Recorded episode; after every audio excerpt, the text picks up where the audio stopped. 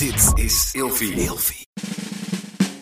Wat leuk dat je luistert naar de podcast Seks, Relaties en Liefdes. De plek waar ik in gesprek ga met mijn gasten over alle onderwerpen waar eigenlijk veel te weinig over gesproken wordt. Dus luister, geniet en laat je vooral inspireren. Welkom bij een nieuwe aflevering van Seks, Relaties en Liefdes. Mijn gast vandaag is uh, Lisette Mepsen. Welkom. Hallo.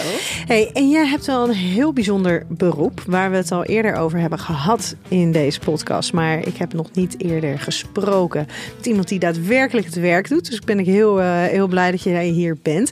Want jij bent namelijk erotisch dienstverlener. Ja.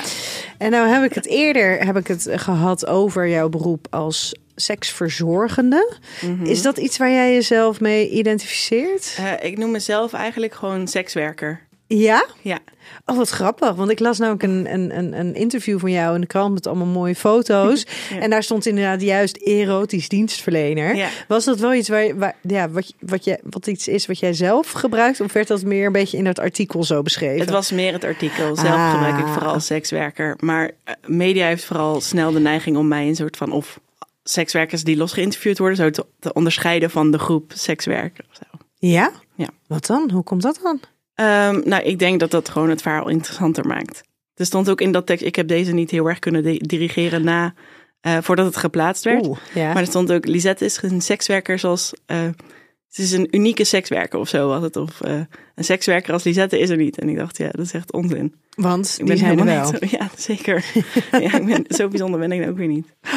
Nou, ik vind het in ieder geval heel bijzonder dat je hier bent. En ik denk dat het werk wat jij doet toch wel best wel bijzonder is. Ja. Um, want ja, je zit een beetje niet helemaal instemmend te knikken. Of Jawel, je... nee, ik vind mijn werk zeker wel bijzonder. Uh, nou ja, goed, oké. Er zitten gelijk ook keerzijden. Ik vind dat ik uh, belangrijk en bijzonder werk heb en ik vind het heel fijn om te doen. Um, maar om het steeds neer te zetten als oh, een heel bijzonder beroep of heel apart, dat doet ook weer weer. Heeft ook een keerzijde natuurlijk. Ja, nou, en we gaan het absoluut hebben ook over, uh, over de keerzijdes. Dus daar is ook absoluut ruimte voor. Maar um, het is ook zeker wel de bedoeling om juist een beetje een inkijkje te geven. Hé, maar wat, wat houdt jouw werk nou in? En dat kan natuurlijk ook niet helemaal zonder die keerzijdes uh, uh, te benoemen. Hey, en als ik het zo omschrijf, dat jij graag mensen met weinig seksuele ervaringen momenten van intieme um, vriendschap wil laten ervaren. Mhm. Is dat een stuk wat jij in datzelfde interview anders had gedirigeerd? Ja. ja, ja, ik ben heel blij dat je dit hebt gezien, want de, de foto's waren prachtig. Ja. Uh, en ook een groot deel van dat artikel was ook echt wel mooi hoor. Um, uh, even kijken, de zin terughalen. Dat is best een lange zin. Je wil graag mensen met weinig seksuele ervaringen Ja. momenten van een intieme vriendschap laten ervaren. Ja, ja, nou het is niet. Um, ik heb uh, veel klanten inderdaad met weinig seksuele ervaring. Uh, maar dat is niet de enige doelgroep die ik aanspreek als je in doelgroep wil praten. Maar ik vind het wel fijn om af te spreken met mensen die um, in diepgang willen gaan. Dus niet even snel een vluggertje willen.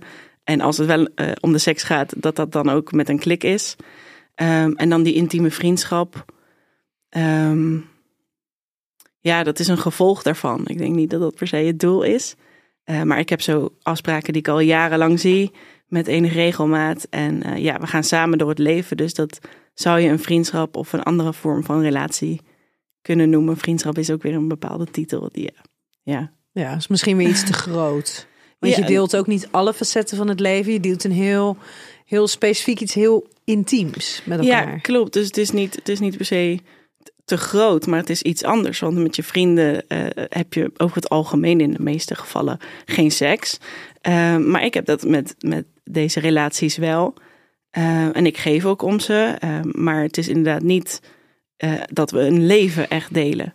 Dus ja, het is gewoon een unieke relatie. Ja, ja. Is de relatie vanuit het oogpunt van jouw, hoe noem je ze, klanten? Ja, Ja. afspraken, klanten. Afspraken. Is die vanuit hun oogpunt intiemer dan dat die voor jou is? Uh, ja. ja, ik denk dat zij hem intiemer beleven dan ik. Ja. En als je het dan niet wil hebben over, over, over, hè, over jouw klanten, de mensen met wie jij werkt, als mensen per se met weinig seksuele ervaringen. Want er zijn mensen die hebben ook wel gewoon seksuele ervaringen. Um, jij focust je, voor zover ik heb begrepen, wel meer op mensen bijvoorbeeld met een fysieke beperking. Of een. Ja, ja ook niet per se. Maar Nee? dat is zo ontstaan omdat ik daar een keer een interview over heb gedaan. En dan word je zo bekend. En dat is dan, zo sta je dan een beetje vast. Maar ehm, ehm, ja, dat is niet per se zo. Is er een verschil in jou, in hoe jij je werk doet, wanneer jij werkt met mensen met een beperking of zonder een beperking? Niet echt. Ehm, het, het, het verschil is, ligt aan, aan hoe, hoe ver iemand eh, eh, een beperking heeft. Zeg maar. Ik heb mensen die in een elektrische rolstoel zitten. Ehm, eh, en eh, ja, momenteel heb ik daar geen afspraken meer mee. Maar ik heb dat wel eens gehad dat iemand dan alleen maar bijvoorbeeld zijn duim of lippen zelf kon bewegen. Ehm, ja, dan ben ik veel meer de leiding aan het nemen, want de ander kan dat niet zozeer. Eh dus dat ziet er dan anders uit. En je verdeelt zorgtaken meer in, in het seksuele of zo.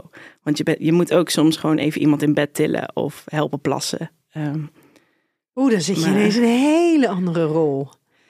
Ja, dat hoeft dus niet, denk ik. Ik vind het wel leuk om daarmee te spelen. En dan vraag ik me dus af, want eh, toch is het dus wat het beeld, nou ja, bijvoorbeeld inderdaad even refererend naar het, eh, het krantenartikel. Het was Mm. een, s- ehm, een, een, een serie met foto's waarin jij inderdaad te zien was eh, terwijl je aan het werk was. Ja. Eh, gewoon hele mooie, discrete foto's. Maar Hm. ehm, toch eh, is het zo dat er dan meer soort van meer acceptatie is om het bespreekbaar te maken, jouw werk, als het zich dan zo richt op een doelgroep, Mm. waarvan het een soort van, ehm, nou ja, oké is of logisch is, Mhm. dat daar dus op een meer verzorgende manier, meer facil- faciliterende manier met seksualiteit om moet worden Ja. gegaan. Ik ben echt zo blij dat je dit zegt. ja, dat is. En, eh, en dat is iets waar ik zeker ook eh tegenaan loop en tegen wil strijden. Omdat eh, het wordt dus gezien als een soort van nobel als je het doet voor mensen die misschien extra zorg nodig hebben. Maar mensen die wel kunnen lopen, om het zo maar even bot te zeggen. Ja, dat, dat zijn dan al snel viespeuken. Of dat is dan als ik daar mijn werk bij zou uitvoeren, ja, dan is dat ordinair. Dan verliest het een soort status. Terwijl eigenlijk de dienstverlening die er is, is gewoon precies hetzelfde. Ja, maar toch denk ik ook wel dat er heel veel mensen zijn die zich dan wel, wel of niet als sekswerker identificeren, maar in Mhm. principe in het werk doen wat jij ook doet, ehm, die niet zouden kunnen werken met mensen met een beperking. Ja, maar dat is ook oké. Ik bedoel, er zijn ook mensen die niet, eh, weet ik veel, met meer gezettere mensen willen werken. Of met oudere mensen. Of juist, ik, ik heb mijn leeftijdsgrens van 25, omdat ik jongere mensen echt niet fijn vind om mee te werken. Dus dat is ook iets persoonlijks. En dat mag. Ja, Ja. lijkt me wel. Ja, maar dat was echt. En daarvan denk ik dan inderdaad, het is iets. Het is inderdaad, het is iets nobels als je het doet.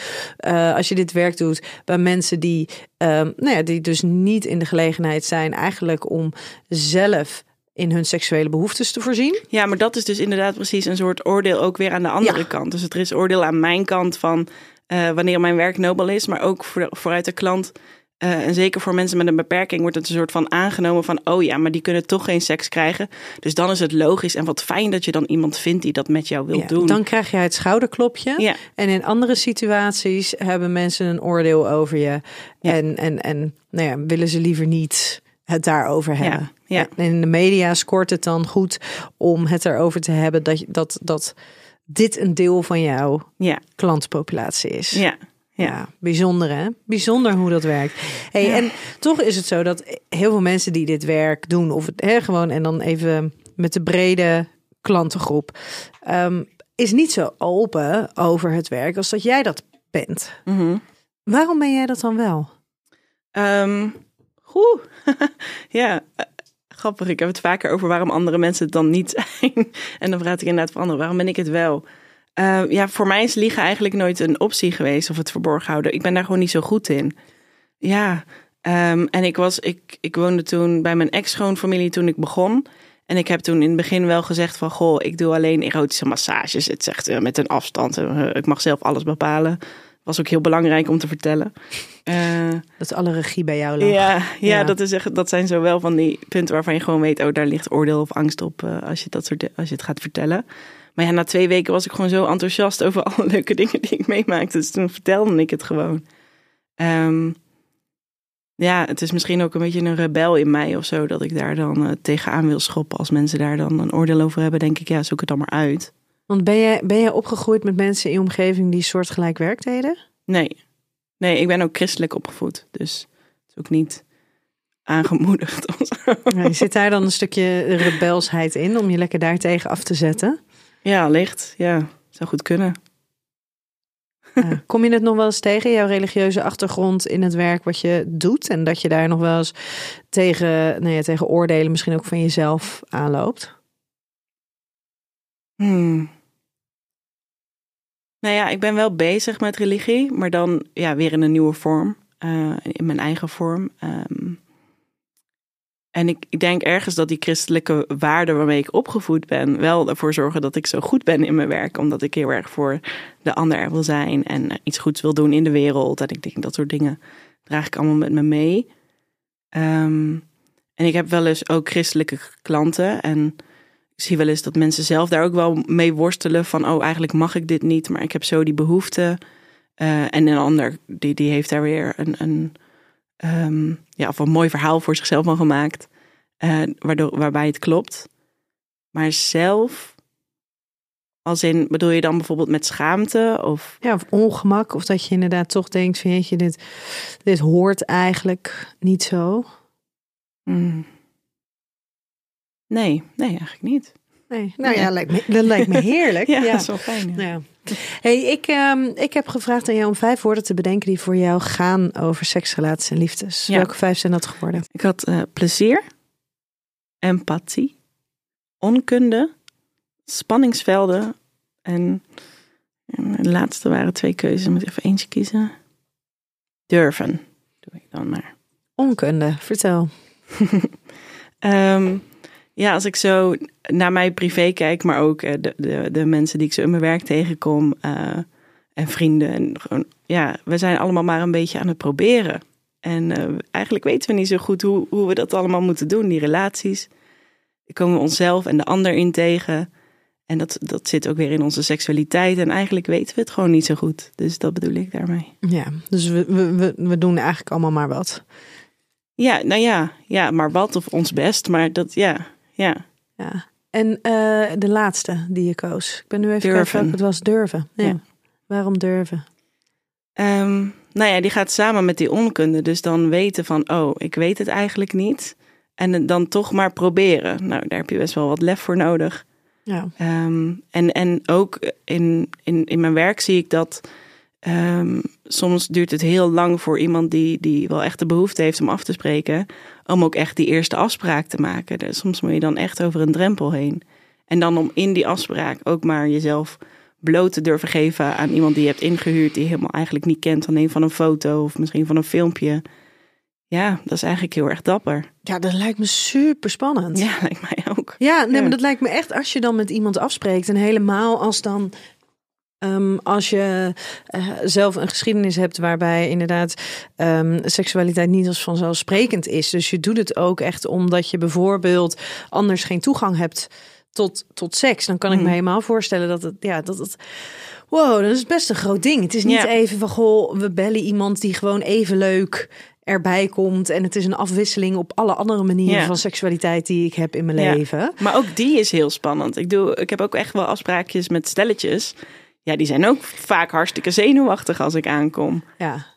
Ja. Ik snap dat ook heel goed. Als je gewoon van tevoren weet, oh, over een uur komt er iemand en daar gaan we eens even ons avontuurtje mee beleven. Ja, ik moet, ja. ik moet er niet aan denken. Het is inderdaad al. Ik heb toevallig dan inderdaad met mijn man al eerder een uh, podcast ook opgenomen over inderdaad zou je betalen voor seks. Mm. En, maar ik kan dus, ik vind dat heel ingewikkeld dat je mm. dus inderdaad dan al dat het al op afspraak is. Ja.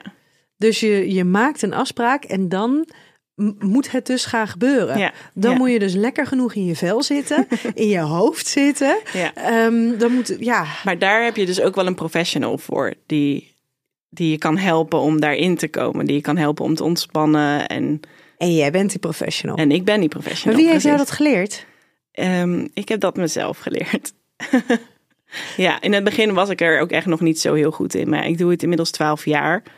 Um, En in het begin werkte ik eh, vier à vijf dagen per week met zo drie tot vijf afspraken op een dag. Dus dan leer je echt wel heel mensen veel. kennen. Ja, ja, dat is ook niet meer hoe ik het nu leuk vind. Maar toen vond ik dat gewoon ook wel lekker of zo, die spanning en de drukte. En, ehm, maar ja, door, door de jaren heen heb ik gewoon heel veel mensen gezien in verschillende staat, staten, zeg maar. En ehm, ja, gewoon steeds weer beter geleerd van, oh ja, hoe kan ik iemand opvangen? Hoe kan ik daarmee omgaan? Ja, ja. Ja. maar draait zo'n zo'n zo'n afspraak voor jou dan ook altijd om seks? Of gaat het in eerste instantie ook om, ehm, nou ja, om iemand op zijn gemak te laten voelen? Ja, nou het eerste is belangrijk om, om het, eh, of het tweede is belangrijk om het eerste goed te doen. Eh, eh, dus je kan wel forceren, en dat heb ik dus vroeger ook echt wel gedaan, eh, dat als iemand niet op zijn gemak is, nou dat je dan maar gewoon begint en dan get it over with. Maar dan is het eigenlijk voor niemand echt leuk. Ehm, dus ik, ehm, ik realiseerde me laatst, maar dat is misschien een uitstapje, dat een groot deel van mijn werk gewoon co-regulatie is. Dat ik, ehm, dat, dat ik mijn zenuwstelsel reguleer om de ander mee te helpen reguleren en dan zo in verbinding te kunnen gaan. Eh, en ik denk dat ik dat geheel gewoon belangrijk vind. Maar dat moet je inderdaad dan wel kunnen. Ja. Ja, ja mooi. Hey, ik heb voor jou eh, vijf kutkeuzes. Oké. Dus je moet er eentje kiezen van de twee die ik voorleg. Nooit meer horen ik hou van je of nooit meer een spontane knuffel van je partner. Hmm.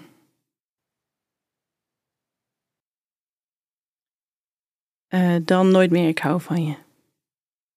Moet ik snel kiezen trouwens? Want Nee, oh, oké, dat hoeft helemaal niet. Altijd degene zijn die initiatief neemt in de seks of altijd degene zijn die zijn partner moet afwijzen. Dan eh, altijd degene die initiatief neemt. Is dat ook wat er gebeurt? Nee. maar afwijzen. Ja, maar dat is natuurlijk altijd. Het klinkt altijd heel hard, maar in principe is dat natuurlijk wel wat er vaak voor gevoel ervaren wordt bij degene die het initieert en Ja, waar ja. dus, dus geen. eh, Maar ik, ik vat hem ook op als in, je mag nooit, als de ander initieert, mag je nooit ja zeggen. Dus Ja? je moet altijd gewoon, oké, ja, Ja. nee, dan. Maar dan blijft er geen seks over, toch ook? Dan ben je, oké, ja. En Nooit meer seks of nooit meer een relatie. Oeh. Wat is seks precies? Alles wat begint, ehm, waar intimiteit eindigt en er seksuele opwinding ontstaat en naar gehandeld wordt. Oh, die vind ik echt heel kut. Moet je nou antwoord op geven? Ja, want als ik het alleen maar over penetratieseks heb, dan wordt dit te makkelijk. Ja, dan wordt die heel makkelijk, ja. Ehm, nooit meer seks of nooit meer een relatie. Mag je wel met, want wanneer is, wat is een relatie? Mag je wel met, met, één persoon vaker seks hebben? Ehm, ja, dat, dat mag wel. Dus Ja, een relatie is meer binnen- samenwonen. Nou ja, of in ieder geval een romantische relatie hebben. Ja, dus ja. wel een, elkaar echt een partner noemen. commitment aangaan samen. En als jij een paar jaar lang iemand een paar keer per jaar ziet, Hmm. dan heb je natuurlijk wel een vorm van een relatie, maar die voldoet niet aan, aan deze vorm. Ik denk dan toch dat ik voor nooit meer seks ga. Vind je dat gek om te zeggen voor jezelf? Eh, nou, ik vind het wel echt een, een lastige keuze. Maar als ik dan kijk naar, oké, ik ben nu 32, dan ga je nog een leven door. Dan lijkt het me fijner om wel een maatje te hebben. Of meerdere maatjes, maar in ieder geval wel de mogelijkheid om samen oud met iemand te worden. En dan verzinnen we wel iets op dat geen seks. Dat komt dan wel goed. Heel goed. Gewoon dan wel je werk blijven doen, zeg maar. En dan eh, Oh ja, ja, oh ja als dat dan wel ook mag, dan. geld verdienen met je lichaam of geld verdienen met je intelligentie? oh, ik doe het nu allebei. Eh, dan zou ik voor intelligentie gaan. Ja, en je zei net, ik doe het nu allebei. Ja. Ehm, kan je daar wat over zeggen? Hoe, hoe doe je dat nu allebei?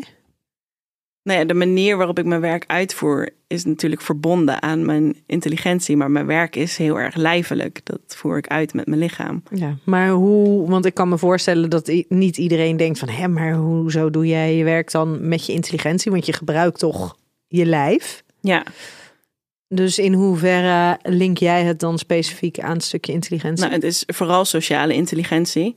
Ehm, de- dus in, in het moment voel ik, probeer ik me volledig in te voelen op de ander. Eh, niet dat ik mezelf helemaal verdwijn, maar wel dat ik kan blijven merken van, oh, wat is hier nodig? Ehm, eh, dus dat is in mijn idee vooral sociale intelligentie. En verder, ja, ik heb gewoon een bedrijf. Dus ik heb ook een website gebouwd. En daar moet je ook fijne teksten bij schrijven. En je moet ook een beetje marketing doen. En eh, weten hoe je op een e-mail mee reageert. zonder dat dat escaleert. De, administratie bijhouden. Dat valt ook allemaal onder intelligentie.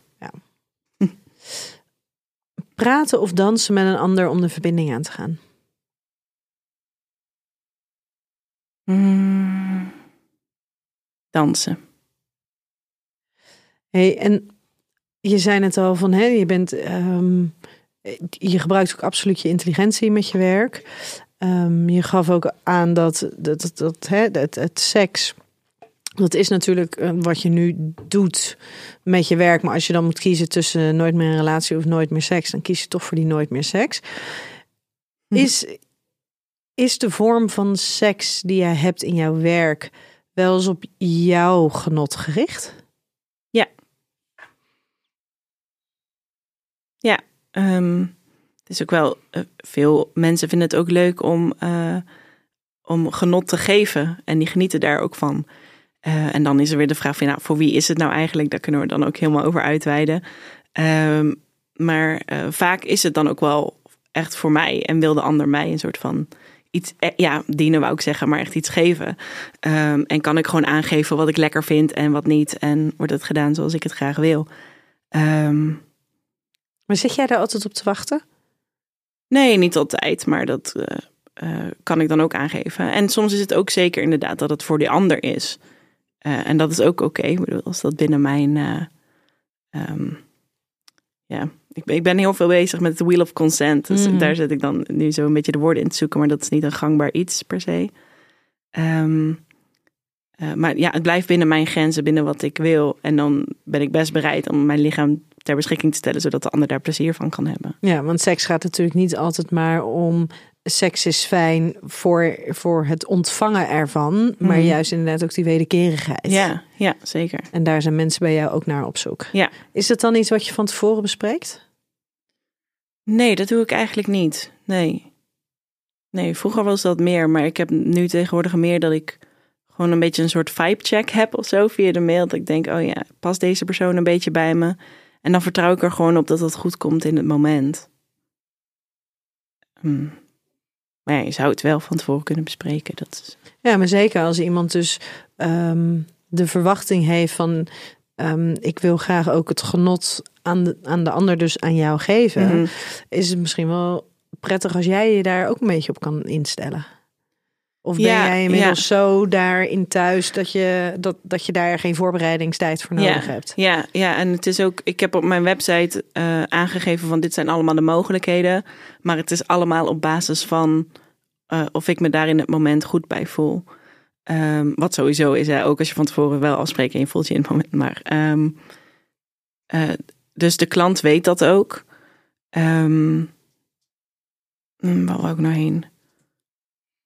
Nou ja, ik wou uitweiden naar dat er inderdaad wel sekswerkers zijn die dat niet doen. En dat, daar, dat dat gewoon goed is om dat wel aan te geven, omdat anders een andere verwachting is. Maar ja, ik, ik heb daar geen moeite mee om dan in het moment, als de ander daar dat, dat graag wil, weet je wel, dan, dan leidt dat dan ook daar natuurlijk naartoe. En dan word ik vanzelf mee opgewarmd, denk ik. Ja, maar jij creëert dus eigenlijk aan de voorkant, bijvoorbeeld door de voorwaarden die jij hebt, ehm, creëer je al de ruimte voor jezelf om daar gewoon te zeggen: nee, sorry, Ja, dit gaan Ja. we niet doen. Ja. Ja, of hier heb ik geen behoefte aan. Je zal daar ongetwijfeld Ja, andere, anders. wat lievere Ja. woorden, Ja. woorden voor hebben. Ja. Hey, ik heb vijf eh, stellingen voor jou. Mijn werk draait heel vaak juist niet om seks. nee, meestal wel. Ja. Alleen seks is natuurlijk niet alleen, zeg maar, alleen seks. Wat Dat is voor jou seks dan? Ehm, ehm, nou, het kan, kunnen verschillende dingen zijn. Dus voor mij is het in mijn werk de dienstverlening. Maar de reden, zeg maar, de motivatie van de ander, dat is meer waar ik naar doe. Dus ehm, de motivatie waarom iemand die behoefte heeft aan seks, wat daaronder ligt. Kan die, die noodzaak om verbinding zijn. Het kan de afleiding zijn. Het kan, nou ja, noem ze maar op. Ik denk dat jij ze allemaal wel kent. Mhm. Ehm, eh, dus dat speelt ermee in de seks. En dan is het dus die verb- verbinding die daar plaatsvindt, die co-regulatie, die ontlading. Ehm, daar gebeurt fysiek heel veel, er gebeurt psychisch heel veel tijdens seks. Eh, dus dat is wat ik bedoel als ik zeg, ja, seks is ook niet alleen een, een koude handeling. Nee. Nee. Maar het komt niet vaak voor dat mensen alleen maar met mij op pad willen en niet ook in bed willen duiken. En heb jij wel eens dat, je, dat mensen zich te veel aan jou gaan binden? Juist door hè, hetgeen wat je dus net allemaal beschrijft. Ja, de, de verbinding eh, en het stuk seksualiteit. Je Ja. bouwt iets samen op.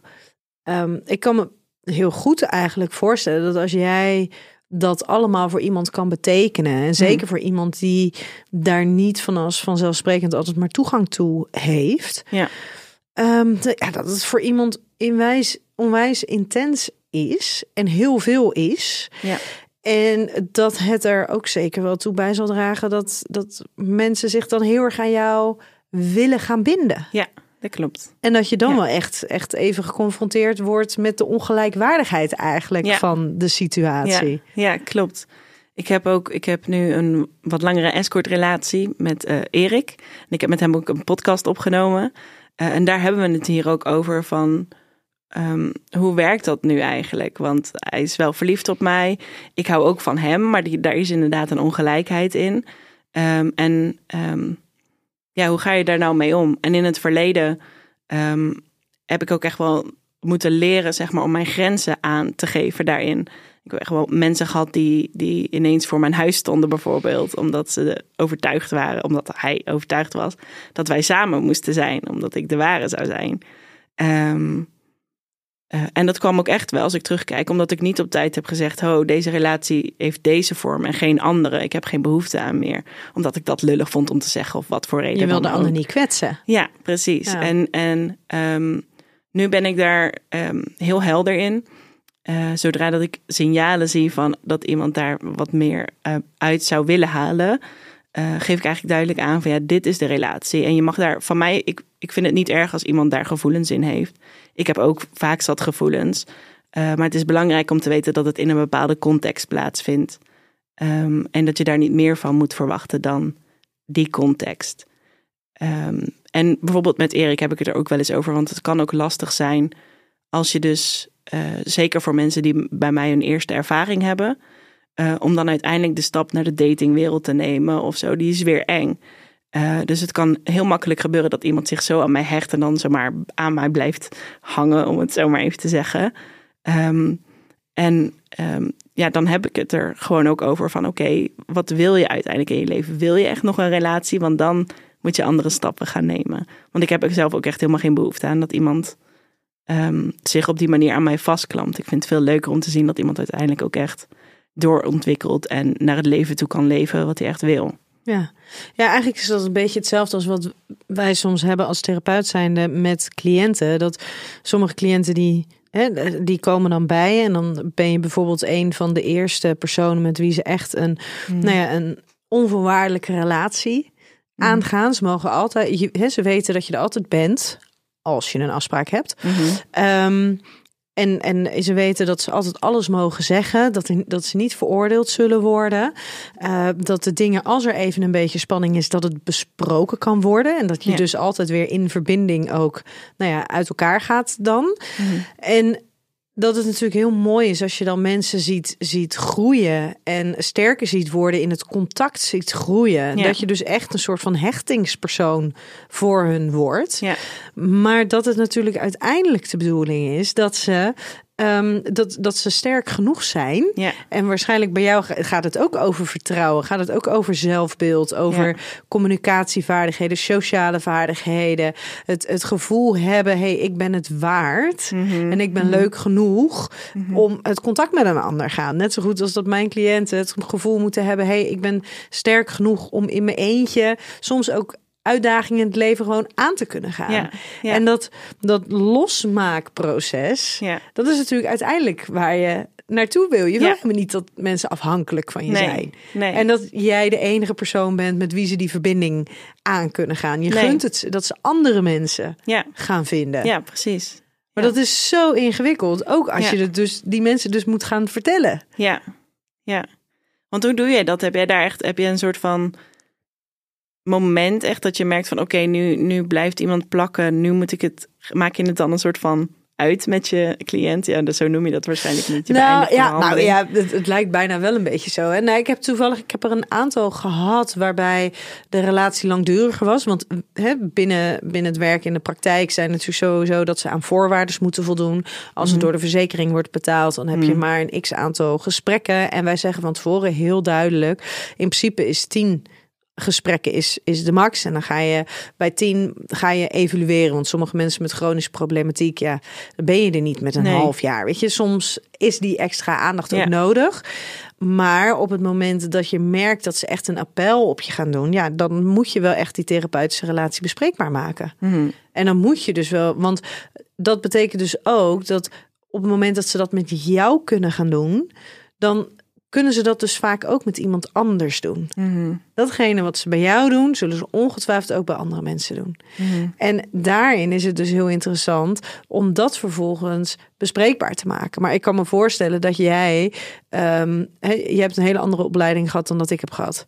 Mhm. Dus bij mij is het ook door middel van gesprekken met mijn collega's leer je daar telkens beter de woorden voor Ja. te vinden. In principe zoals jij dat natuurlijk ook doet. Alleen je bent wat meer een one-man show. Ja, Dus dat moet je, ik denk dat, dat ehm, de leerweg daar naartoe misschien wel veel lastiger is. Hmm. Dan wanneer ik eventjes naar mijn collega toe ga en zeg van nou, eh, Ja. ik voel dat hier een groter appel op mij wordt gedaan. Dat er een, eigenlijk een therapeutische afhankelijkheid ontstaan. ja, Hoe kan ik hier het beste mee omgaan? Dat ik zelfs nog op momenten, bijvoorbeeld, ehm, eh, elke, elke cliënt heeft een regiebehandelaar erboven zitten, nog als extra verantwoordelijk als het ware.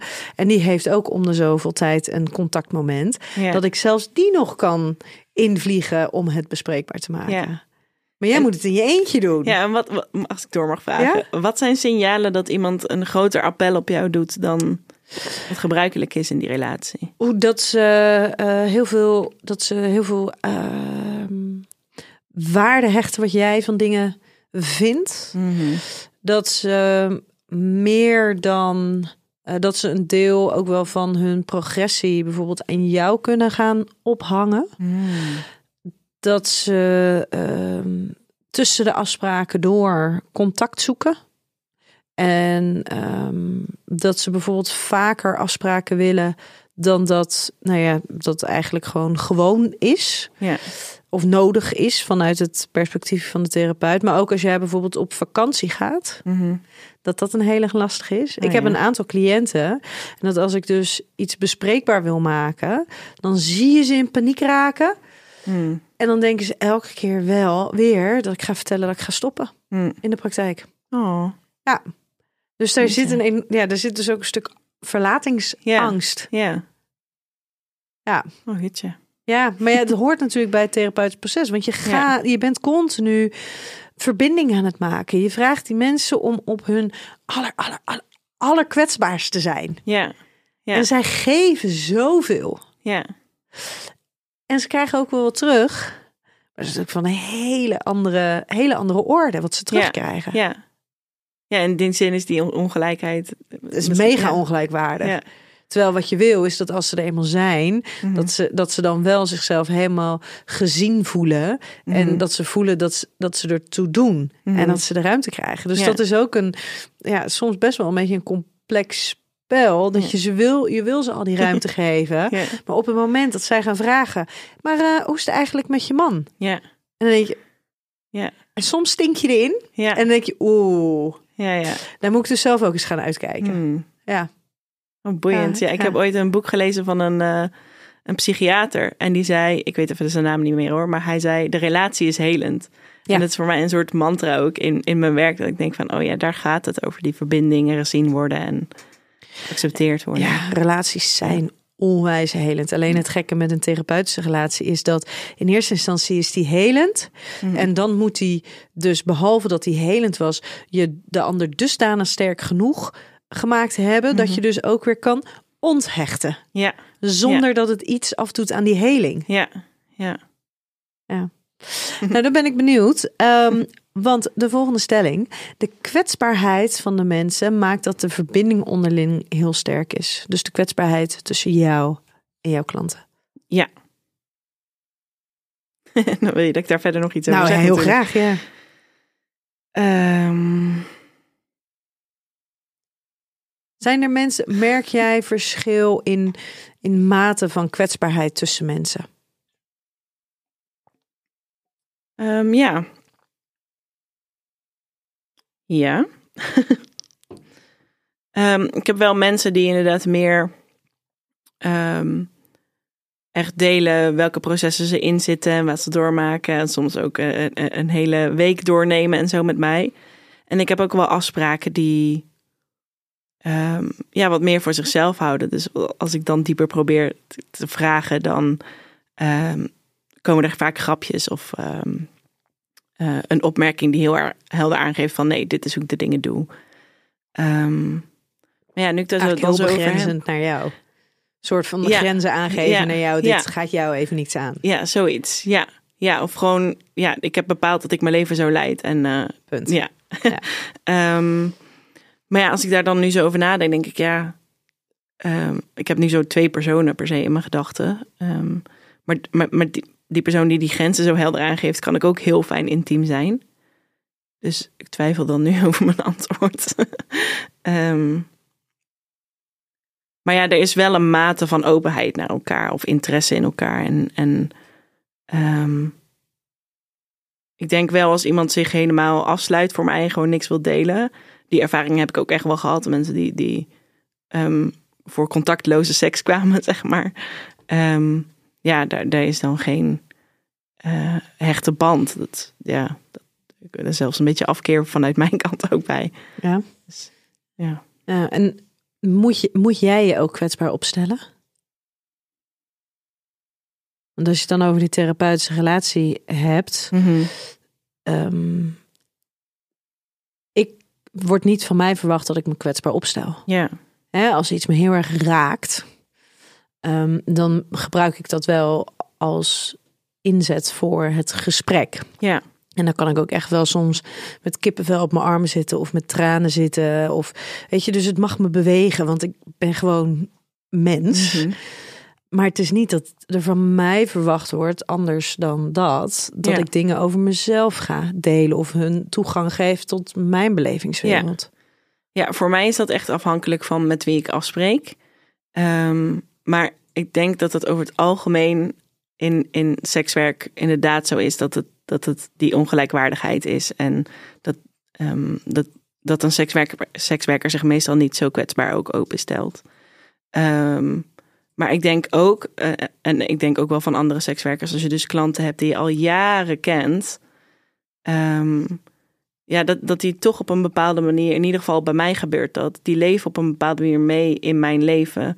Eh, als ik in een relatiebreuk zit, ja, dan vertel ik het hen en leven ze met mij mee. En, ehm, en, als het goed gaat, leven ze ook met mij mee en supporten ze mij. Dus eh, daar zit wel die kwetsbaarheid in, maar hij is nog wel ehm, nog steeds ongelijkwaardig, omdat die, ik denk dat het komt omdat de afhankelijkheid anders is. Ehm, maar ja, ja, het hangt dus echt af aan, van, van wat voor soort afspraak. Als ik één keer eh, eh, een date heb met iemand en daarna nooit meer zie, of één keer per jaar of zo, dan is dat heel anders dan wanneer ik ieder, iemand iedere maand of eh, ieder kwartaal zie. Ja. Want weten al jouw klanten van jou bijvoorbeeld jouw relatiestatus af? Ehm, ja, ja ik, ik denk de meeste wel. Ja. En vertel jij ze dat van tevoren? Vragen ze daarnaar? Nee, dat niet. Maar ja, ik heb ook een Instagram en daar, daar komt die soms ook voorbij. En, ehm, en als het nieuwe mensen zijn, ja, dan zullen ze daarnaar vragen. En dan ben ik daar ook eerlijk over. Ja. Mm. Ja, ja. Want heb je het gevoel dat zij jou ook een beetje ehm, als mens willen zien? Ik hoop het wel. Nee, maar ja, dat is natuurlijk wel. eh, Betaal je geld om seks te hebben met iemand. Punt. Hmm. En gaat het dus om de seks? Of vind je het fijn om toch het gevoel te hebben van: oh ja, maar ik, ja, ik, ja, het is een dienstverlening. Hmm. Maar ik wil wel gewoon, ik wil wel dat het heel menselijk voelt. En dat degene die tegenover me zit niet alleen een dienstverlener is, of licht, of wat dan ook. Ja. Ehm, maar dat het wel gewoon een mens is met wie ik, ja, die, die ook een leven heeft. ja, ik denk dat dat afhankelijk is van, van de klant. En, en dan is ook wat voor sekswerker die kiest. Dus de manier waarop ik mijn werk doe is meer persoonlijk. Eh, eh, maar je hebt ook veel sekswerkers die een fantasie verkopen. Ehm, en ehm, ja, dan, dan zal dat minder zijn. Dan wil de klant ook weer sneller wel die fantasie hebben. Ja. Ja. Maar ben jij daarin zoals andere sekswerkers? Ehm, nou ja, je hebt heel veel verschillende soorten sekswerkers. Dus er zijn andere sekswerkers die het aanvliegen zoals ik dat doe, maar dan met een eigen stijl natuurlijk. Ehm, ehm, en je hebt sekswerkers die, die het op hele andere manieren aanpakken. Er zijn echt heel veel verschillende manieren om het werk uit te voeren. Ja, en bespreken jullie dat ook met elkaar? Hebben jullie contact? Ehm, nou, er zijn wel eh, groepen. Ehm, die zijn zo een beetje verspreid. Bij, bij mij in Tilburg heb je de klankbordgroep, die heet Sexworks. En ik heb wel zo een groepje collega's waar, die, die wat meer in mijn straatje zitten. eh, in een Telegram groep, groepje. Ehm, maar er is niet zo één. eh, nou ja, er is wel één overkoepelende organisatie waar al die organisaties weer bij komen. Die heet SWAT. S-W-A-D. Ehm, maar er is niet een, een beroepsvereniging echt of zo. Nee. Maar kunnen jullie in die onderliggende groepjes wel wat nou ja, ideeën uitwisselen, zorgen uitspreken, inspiratie vragen? Ja, ja, dat is er wel. Maar het is nog niet heel makkelijk te vinden voor iemand die er niet eh, in zit, denk ik. Hey, de volgende stelling. Yes. Ik moet me emotioneel of fysiek aangetrokken voelen tot een ander om mijn werk te kunnen doen. Nee, maar het maakt het wel leuker. Ja. en je zegt nee. Eh, Ja, dit is, dit is wat ik vind het dus ontzettend knap. Als je dus ehm, als sekswerker in welke, op welk niveau dan ook, in welke mate dan ook, het gewoon het idee dat je dus zo'n intimiteit moet delen met een ander. Ja, Maar zo heel vaak natuurlijk ook letterlijk zo fysiek dichtbij ja, de ander moet zijn. ja, Zonder dat die emotionele of, of fysieke ehm, aantrekkingskracht er is. ja. Laat staan seksuele aantrekkingskracht. Dat, Ja. dat, hè, dat die nog even daar gelaten. Maar lijkt me zo. Dat, ik vind dat heel lastig. Mhm. Ja, ik denk dat veel mensen dat lastig vinden en dat er daarom ook wel veel onbegrip is voor sekswerk of dat dat makkelijk in het stigma gedacht wordt. Ehm, maar, maar ja, het, het zijn ook ha- handelingen. Eh, en en ik, ik kan me voorstellen, dat is ook een persoonlijk verschil, denk ik, dat, dat ehm, eh, iemand orale seks geven waar je, waar je helemaal niks bij voelt. Ja, ik zie je ogen al, wow. Gelijk ook iets heel heftigs, oké. Eh, stapje terug. Iemand... eh, Nee, nee, nee, ik mag daarover gaan. hoor. Nee, maar ik vind dat vind ik bijvoorbeeld iets super eh, intiems. Ja, Ja, dat is. Ik vind, de- daarin vind ik bijvoorbeeld penetratieseks vind ik dus weer minder intiem. minder intiem. Ja, Eh, ik, ja, zoenen en orale seks, dat, dat is letterlijk zo in your face gebeurt dat. ja. Dus vandaar mijn Maar ja, gezicht. dat geeft ja, dus dat- wel aan dat dat een persoonlijk verschil is. En, ehm, en het kan heel intiem zijn, maar het kan ook gewoon even een handeling zijn en een act die je uitvoert. En eh, uiteindelijk komt, komt de dienstverlening neer op de ander een leuke tijd bezorgen. En terwijl dat je dat doet, hou je je eigen grenzen en gezondheid en zo in de gaten. Eh, en als op dat moment het, het voor mij oké voelt om dat gewoon te doen, ja, eh, dan heb ik ook weer mijn geld verdiend. Het is ook niet altijd romantisch, ja. Ja, dat is het ook. Hè. Het is gewoon werk. Ja. En zolang het dus maar niet over je eigen grenzen heen gaat en je zelf enige vorm van regie hebt Ja, over wat op dat moment wel of niet goed voelt, ja. ehm, ja, dan, dan kan je het ook gewoon als werk zien. ja. dan En, kan je- laten we het ook niet, weet je wat, het is mij ook vaak overkomen dat ik die regie, regie niet helemaal had of nam. Ehm, en ik denk vooral nam. Want het is ook, ehm, tenminste, ik vond het vaak ongemakkelijk om dan in een moment te zeggen: Nee, eigenlijk wil ik dit niet. Nou, ik zeg het al met een, met een kutstemmetje. Dat geeft al aan hoe dat, ik klein er, meisje zo. hoe eh, dat ik erin sta, weet je wel. Ja. En dan ben ik al heel erg aan het nadenken van: Oh, eh, maar dan wordt hij misschien boos. Of dan gebeurt er dit. En dan is iemand teleurgesteld. En, en dat is dan mijn proces.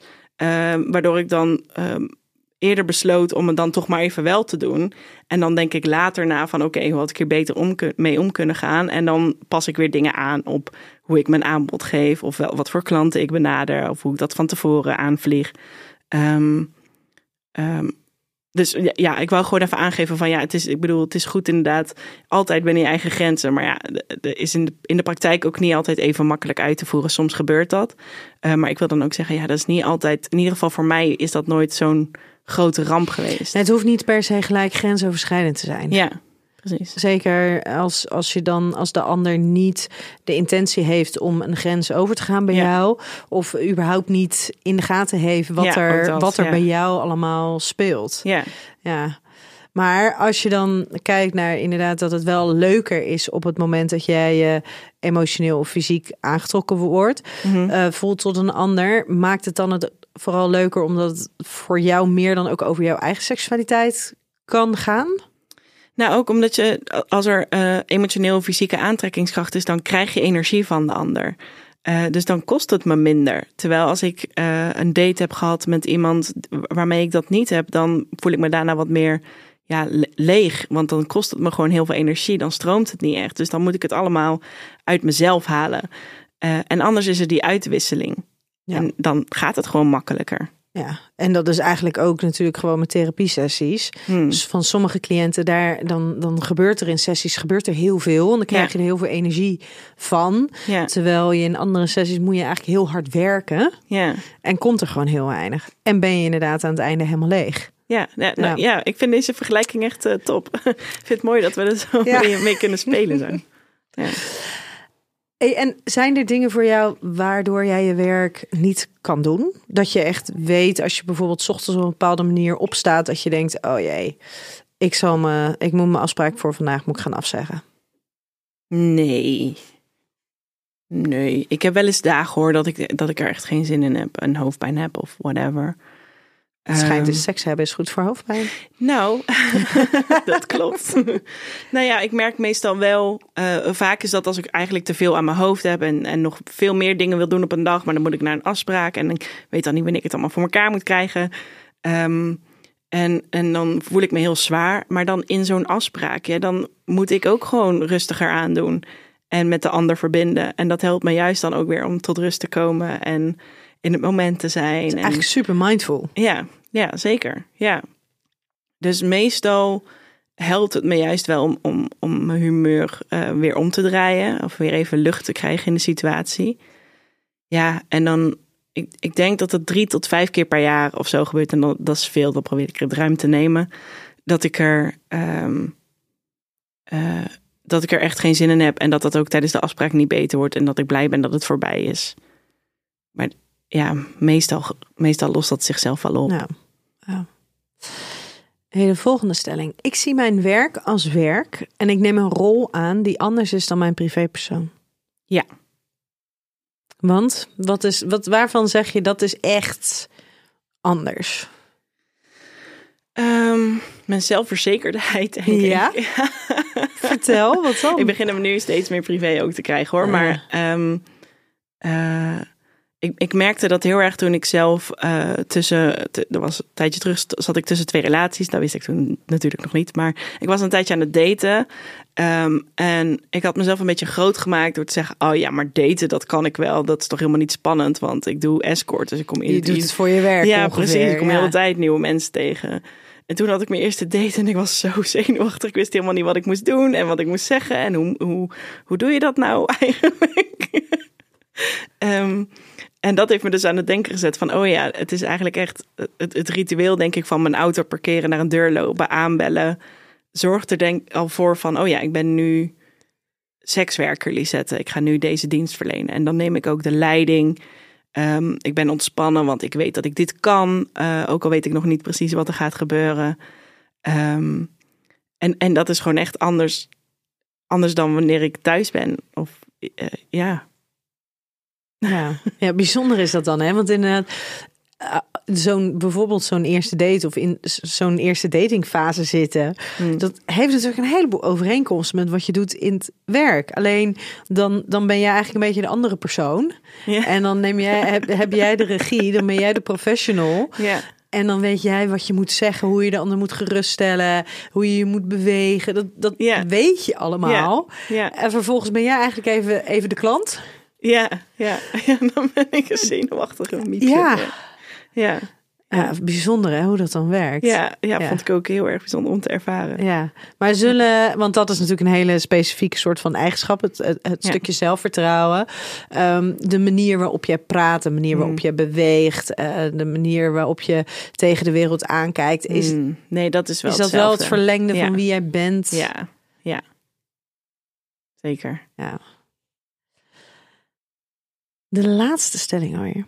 Oh. Als het stigma niet zo groot zou zijn, zouden er veel meer mensen zijn die gebruik durven te maken van mijn diensten. Ja. Is het stigma groot onder de mensen die er gebruik van maken?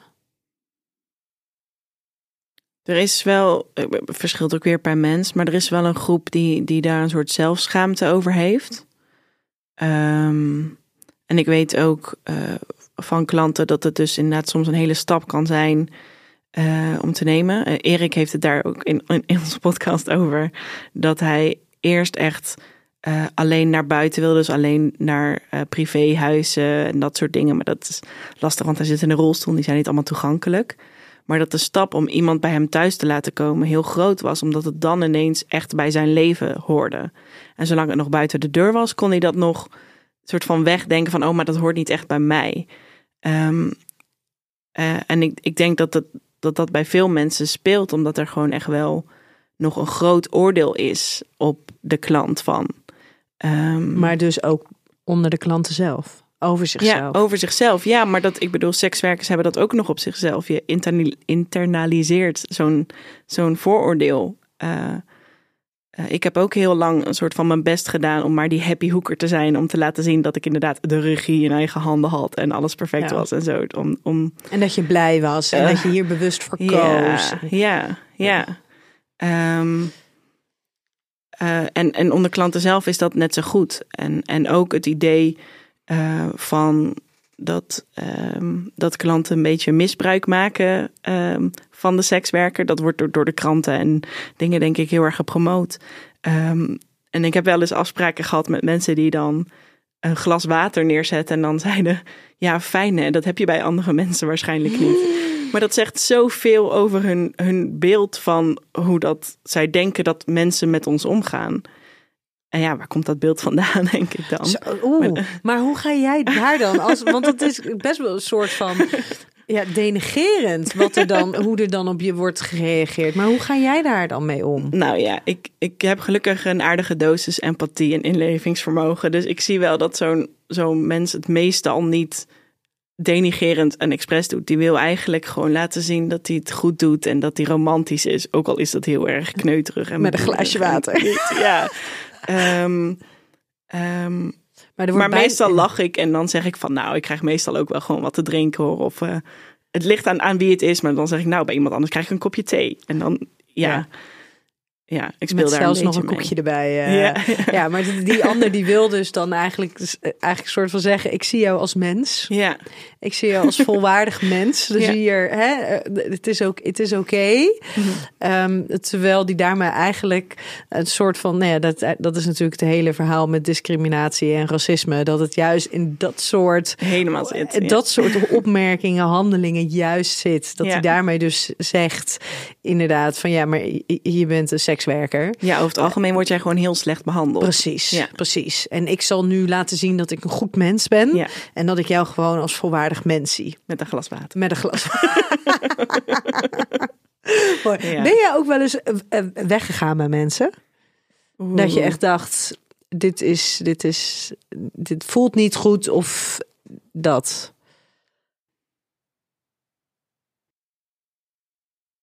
Nee, wel toen ik nog ehm, ja, last minute werkte. Eh, zo noem ik dat dan, is dat is dat eigenlijk een beetje dat mensen je kunnen bestellen als een pizza. Dus zo van, oh, ik heb nu zin en dan kom ik meteen naar je toe. Ehm, en toen werkte ik vaker ook nog s'avonds en in het weekend. Eh, en dan heb je gewoon, tenminste, meer kans. Ja, oké. Dan heb je gewoon meer kans op mensen die ehm, drugs gebruiken Drank, alcohol. Ehm, eh, en, en zeker met uh, cocaïnegebruikers, ja, die gaan gewoon maar door en door en door. En uh, het is wel dat ik toen mezelf aangeleerd heb om gewoon op een gegeven moment te zeggen van oké, dit is het laatste. Want dat vond ik echt slopend. Over geen contact kunnen leggen, zeg maar, gesproken. Dat vond ik echt heftig. Uh, dus dan ja, ga je wel weg, maar niet onder dit voelt niet goed.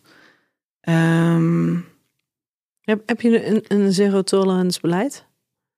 Hoe bedoel je? Als in als iemand drugs gebruikt? Dan, ja, of niet. Nou ja, drugs kan me voorstellen dat het inderdaad zero is, maar alcohol in ieder geval niet hmm. dat je echt um, dronken bent.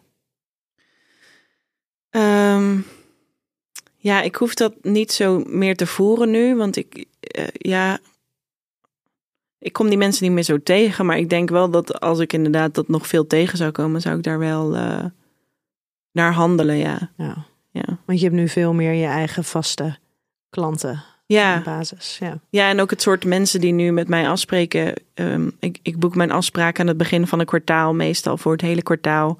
Dus, dus ja, daar wordt naartoe geleefd met mij af te spreken. Dat voelt goed. dat is wel goed ego Ik snap wel dat jij vol zelfvertrouwen zit in je werk. ja. En mensen die gewoon bereid zijn om drie maanden lang op jou te wachten. Ja, dat is bijzonder hè? Ja. ja. Eigenlijk ook gek, hè? Ja. Dat dat dan zo werkt. En dat jij dus weet, ook al he, he, kies jij ervoor om jouw werk wel wat met wat meer verbinding te doen en met meer gevoel en, en, en daar tijd in te stoppen. Mm -hmm. En dat het dus niet enkel en alleen klanten zijn die betalen voor een dienstverlening van jou. Ja. Um, maar toch is het natuurlijk zo dat voor veel van hen zal jij iets zijn waar, jij, waar ze naar uitkijken. Terwijl mm. voor jou zijn het afspraken in de agenda. Ja, ja wel afspraken waar ik naar uitkijk, maar ja, het zijn wel afspraken in mijn agenda. Ja, ja. ja. Hey, dan ben ik heel benieuwd voordat wij hem gaan afronden. Want hoe, hoe kom je, combineer je dit werk met een relatie? Hoe? Um, zijn dat dan per definitie ook, zeg maar, ga je dan op zoek naar partners die ruimdenkend zijn? Over seks, uh, over relaties. Um... Ja, wel een beetje, maar dat is ook mijn persoon. Maar ja, dus, ik bedoel, ik kies dit werk ook, dus dan, dan ben ik zelf ook al wat ruimdenkender. Uh, het is fijn om iemand te hebben die daarbij past. Um, met mijn huidige partner heb ik het tijdens het daten uh, gezegd, of tijdens de dating app had ik al gezegd dat, Doe je zo heel erg dat ik seks was. ja. En um, hij gaf aan in het begin van ja, ik denk dat ik veel te jaloers ben hiervoor. Dat, uh, dat gaat nooit werken. Maar naarmate dat we elkaar beter leerden kennen en hij snapte steeds beter wat mijn werk dan inhield, merkte hij van, oh ja, als je aan het werk bent, dan ben je gewoon aan het werk. Dan ben ik helemaal niet heel de tijd bezig met wat je nu aan het doen bent of zo. Um, en toch ook, ja, nu mijn, de laatste jaren is mijn werk dus steeds meer aan het vormen naar wat langere escortrelaties. Um, en daar hebben we het dan ook over van ja, oké, wanneer is het bedreigend en, en is, wat, wat hebben we van elkaar nodig? Dus ik denk dat het vooral veel communiceren is en, en eerlijk naar elkaar proberen te zijn. Ja. Um, Eigenlijk zoals... Zoals je met iedere relatie. Ja, precies. En helemaal een relatie met daarin meer, meer openheid, meer ja. ruimte. Ja. Dan is dat stukje communicatie en afstemmen natuurlijk helemaal uh, belangrijk. Ja. Ja. ja. Ja. Vind jij het, het, Denk je dat je dit altijd blijft doen, dit werk? Kan je dit, kan je dit werk altijd blijven doen? Uh, ja, tenzij je fysiek dus uh, uh, zo het niet meer kan. Ehm, maar ik denk inderdaad, qua leeftijd maakt het niet uit. Ik denk dat er voor iedereen wel, wel een markt te vinden is. Ja. Um, en de partners, of tenminste de klanten die je nu date, die worden natuurlijk ook die worden ouder. ook ouder, precies. Ja, dus het is, het is ook wel een verschil. Zeg maar, ik ik kan, mijn klanten kunnen meegroeien. Het is misschien anders als je begint wanneer je 75 bent. Uh, zeg maar. Wow. Ook niet gewoon 50, nee, 75. Ja, maar dat is pas echt ouder, toch? Ja, ja dat, dat is... Nou ja, ik denk maar dan, dat als je het vergelijkt... begin je op je twintigste, begin je op je vijftigste... Ja, dat, dat ja. we dan ook wel mogen zeggen... dat je dan wel begint als je ouder bent... Ja, okay. dan wanneer je twintig bent. Ja, maar je hebt um, um, een boek Oh, nou ja, dat is jammer, dat kan ik niet quoten. Maar zij is eh, escort en zij is ook ehm, volgens mij halverwege 40 of begin 50 of zo begonnen met escort. En heeft daar dus zo'n beetje anekdotes over verteld. Volgens mij heet zij Jorma Bos. Dat zouden we even moeten checken. Gaan we dat naam checken. Mogen noemen in de podcast. Oh, je mag alles noemen. hey, Lisette, wij gaan, ehm, wij gaan hem afronden. En Ja, als jij nou als luisteraar benieuwd bent naar eh, de diensten van eh Lisette... of jij denkt, hé, hey, ik weet wel iemand die daar misschien wel gebruik van wil maken... dan kan je haar vinden op lievelisette.nl. En op social media kan je haar ook vinden via Lieve Lisette. Klinkt Yes. ook wel heel lief. Lieve Lisette. Heel goed, heel goed. hey, dankjewel dat jij hier eh, komen. en Ja, dankjewel dat ik er mocht zijn. Was Nou, superleuk. Heel, heel graag gedaan. En lieve luisteraar, tot de volgende keer bij een nieuwe aflevering van Seks, Relaties en Liefdes.